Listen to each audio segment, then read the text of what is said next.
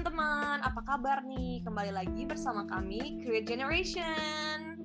Yeay! Podcast kali ini ditemani dengan gue, Yuan, bersama dengan Mikhailin. Nah, gimana nih kabarnya? Um, kalau gue sih jujur banget kabarnya akhir-akhir ini agak melelahkan ya karena gue udah mulai kerja nih sekarang gue sambil kuliah sambil kerja jadi agak capek tapi kalau lu gimana ya Wah, lu capek banget ya kak kayaknya. Kalau gue sih, kalau gue sih karena masih semester 3 menuju semester 4 jadi ya masih santai-santai aja sih. Karena juga lagi liburan, gabut, gak ngapa-ngapain. Jadi ya udahlah ya. iri banget sih yang masih gabut masih bisa gabut liburan lagi kan seru banget sih btw kita kali ini mau ngobrol tentang apa sih Yon? Nah, kali ini kita akan ngobrolin tentang gimana sih caranya keluar dari zona nyaman dan menjadi mahasiswa yang berprestasi. Wow, seru banget sih topik hari ini. Udah, langsung tanpa basa-basi lagi kita langsung ke topiknya. Let's get it on. Nah, karena saat pandemi gini kan gak jarang ya menjadi tambah malas dan pada akhirnya menjadi enggak produktif. Nah, gimana sih caranya kita bisa keluar dari comfort zone tersebut dan gimana nih caranya kita bisa memaksimalkan masa-masa di bangku sekolah dengan menjadi mahasiswa yang berprestasi. Nah, kalau dari lu sendiri gimana nih, Kak? Hmm, kalau gue jujur banget, gue dulu tipikal anak yang anak SMA yang pulang, eh pergi habis itu langsung balik gitu, kayak kupu-kupu ya jadi gue nggak ada kayak tipikal hal-hal yang gue lakuin yang bener-bener memorable gitu loh tapi kalau menurut gue sendiri ya untuk teman-teman juga nggak lebih lebih better kalau maksimalin sih waktu SMA kalian ya nggak sih Yon? Kalau lu gimana dulu Yon? Bener banget sih karena kalau gue sendiri ya itu gue waktu masa-masa sekolah itu gue bener-bener kayak uh, sekolah pulang sekolah pulang gak ada produktifnya sama sekali. Jadi tuh sekarang ngebuat gue merasa menyesal nggak produktif waktu sekolah. Jadinya di kuliah ini harus bener-bener keluar dari zona nyaman beradaptasi dengan lingkungan yang baru gitu sih kak. Hmm, jadi kita tipikal student yang sama nih ya kira-kira yang enggak? Ya, akhirnya nyesel gitu kan pas kuliah. Tapi teman-teman emang bener sih. Nah makanya dari sini di podcast kali ini kita mau kayak um, memberitahu teman-teman nih gimana sih caranya biar gimana sih kayak perlunya pentingnya tuh untuk keluar dari comfort zone kita untuk bisa menjadi menjadi belajar di bukan mahasiswa apa sih student gitu kan anak murid yang berprestasi gitu. Caranya gimana sih teman-teman? Gitu. Mungkin gimana ada ada saran gitu untuk teman-teman Gen Z sekalian gitu yang dengerin. Kalau untuk keluar dari zona nyaman kalau saran dari gue nih ya itu kita bisa cari hal-hal yang bisa kita suka. Kayak kita mulai ikut eskul yang emang relate sama minat dan yang kita inginkan gitu. Kalau menurut gue sih gitu sih.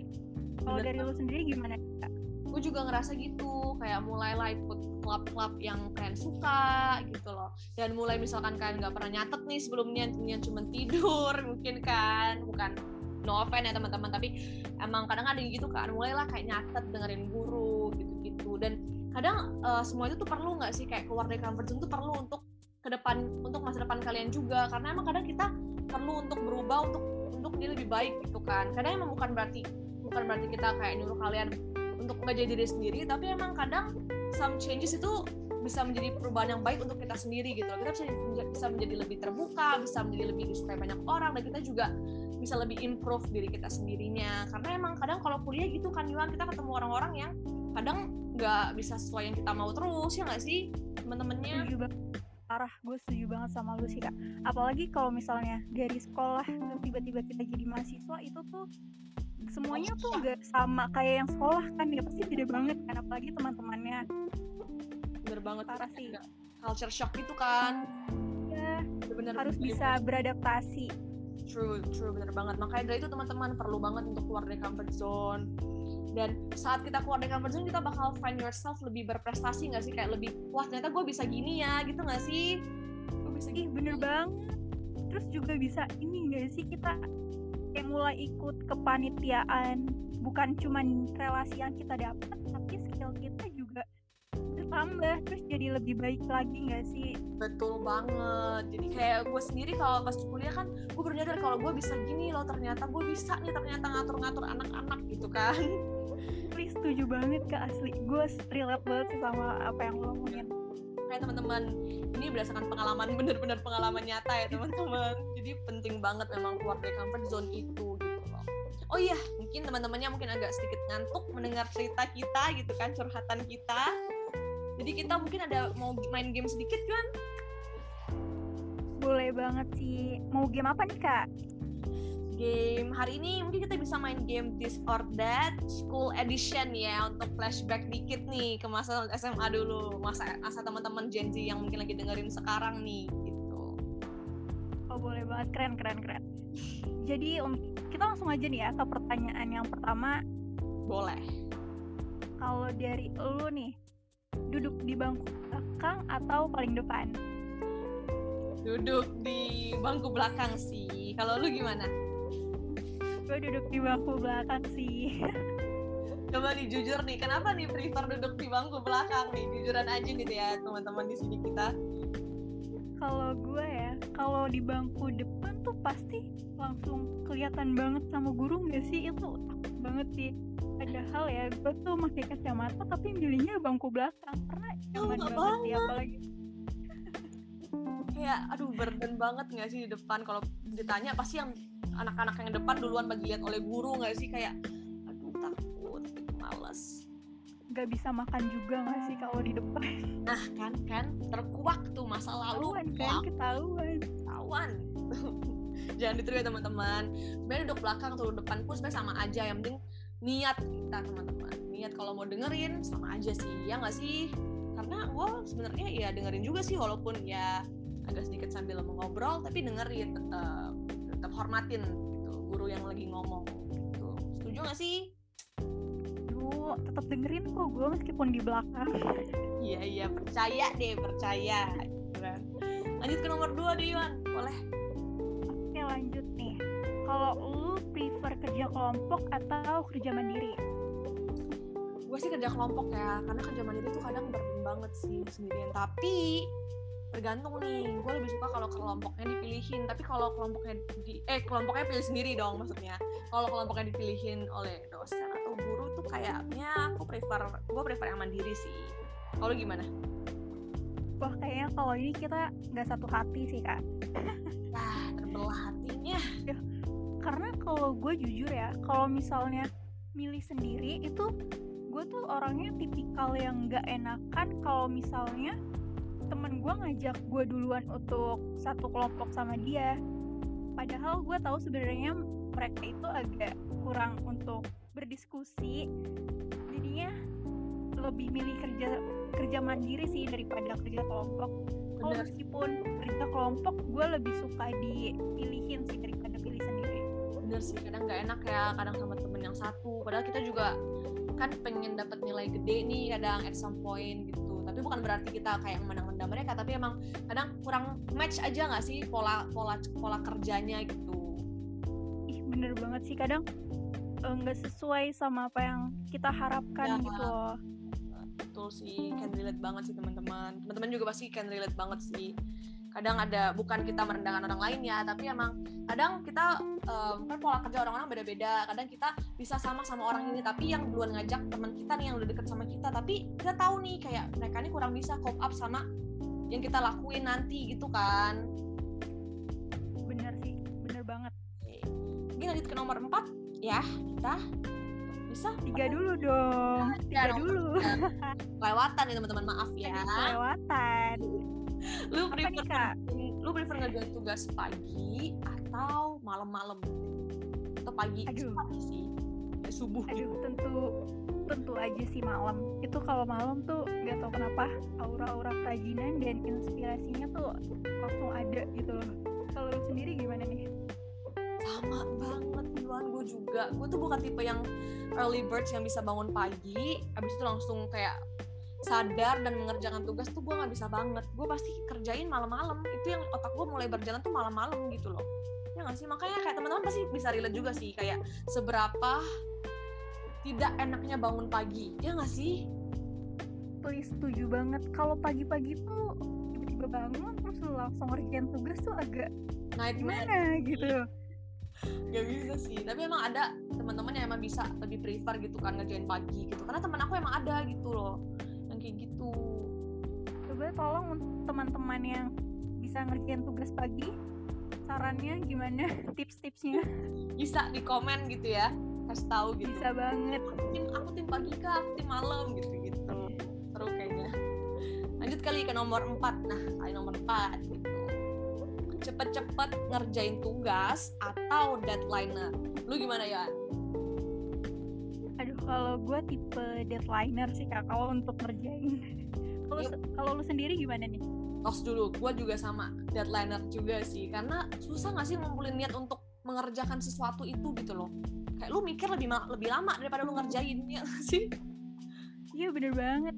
Kadang gue tuh tugasnya deadline-nya tuh bisa tiga minggu tapi gue ngerjainnya tuh bisa hamil satu dan dua minggunya itu cuma buat mikir doang untuk mikirin konsepnya btw gue salfok sih deadline lu tiga minggu dua minggu. Gila eh wow sih.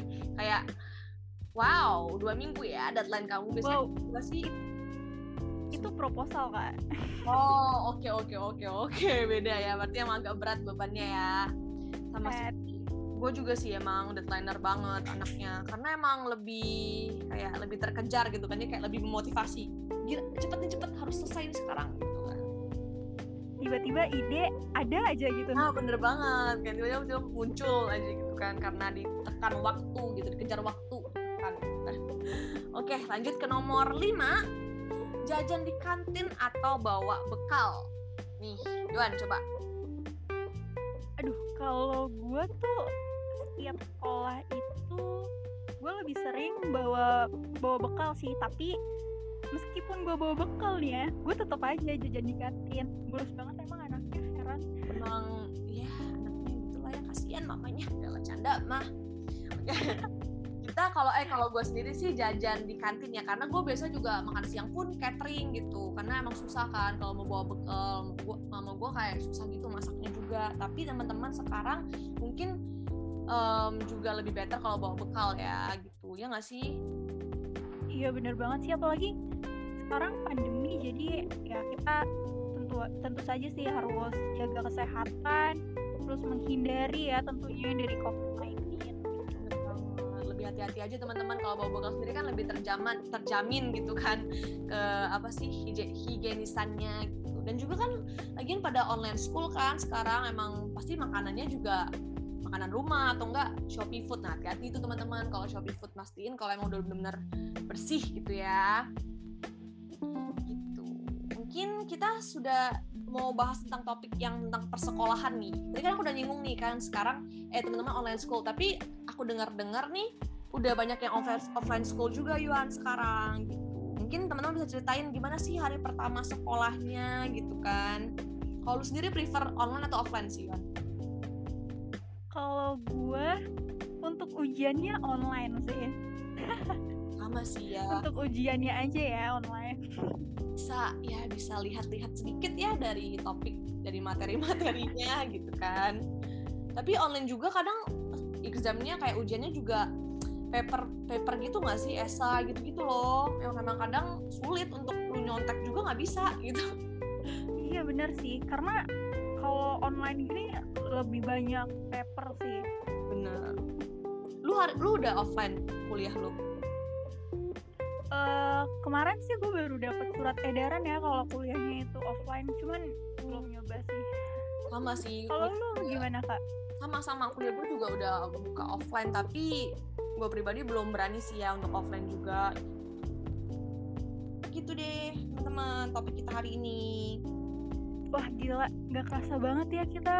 Udah berapa lama nih ngobrol-ngobrolnya yang pasti nggak sampai sejam sih. Kalau sejam ya maafin saya kita ya teman-teman. Biar gak bosan sih kita. Banget gitu.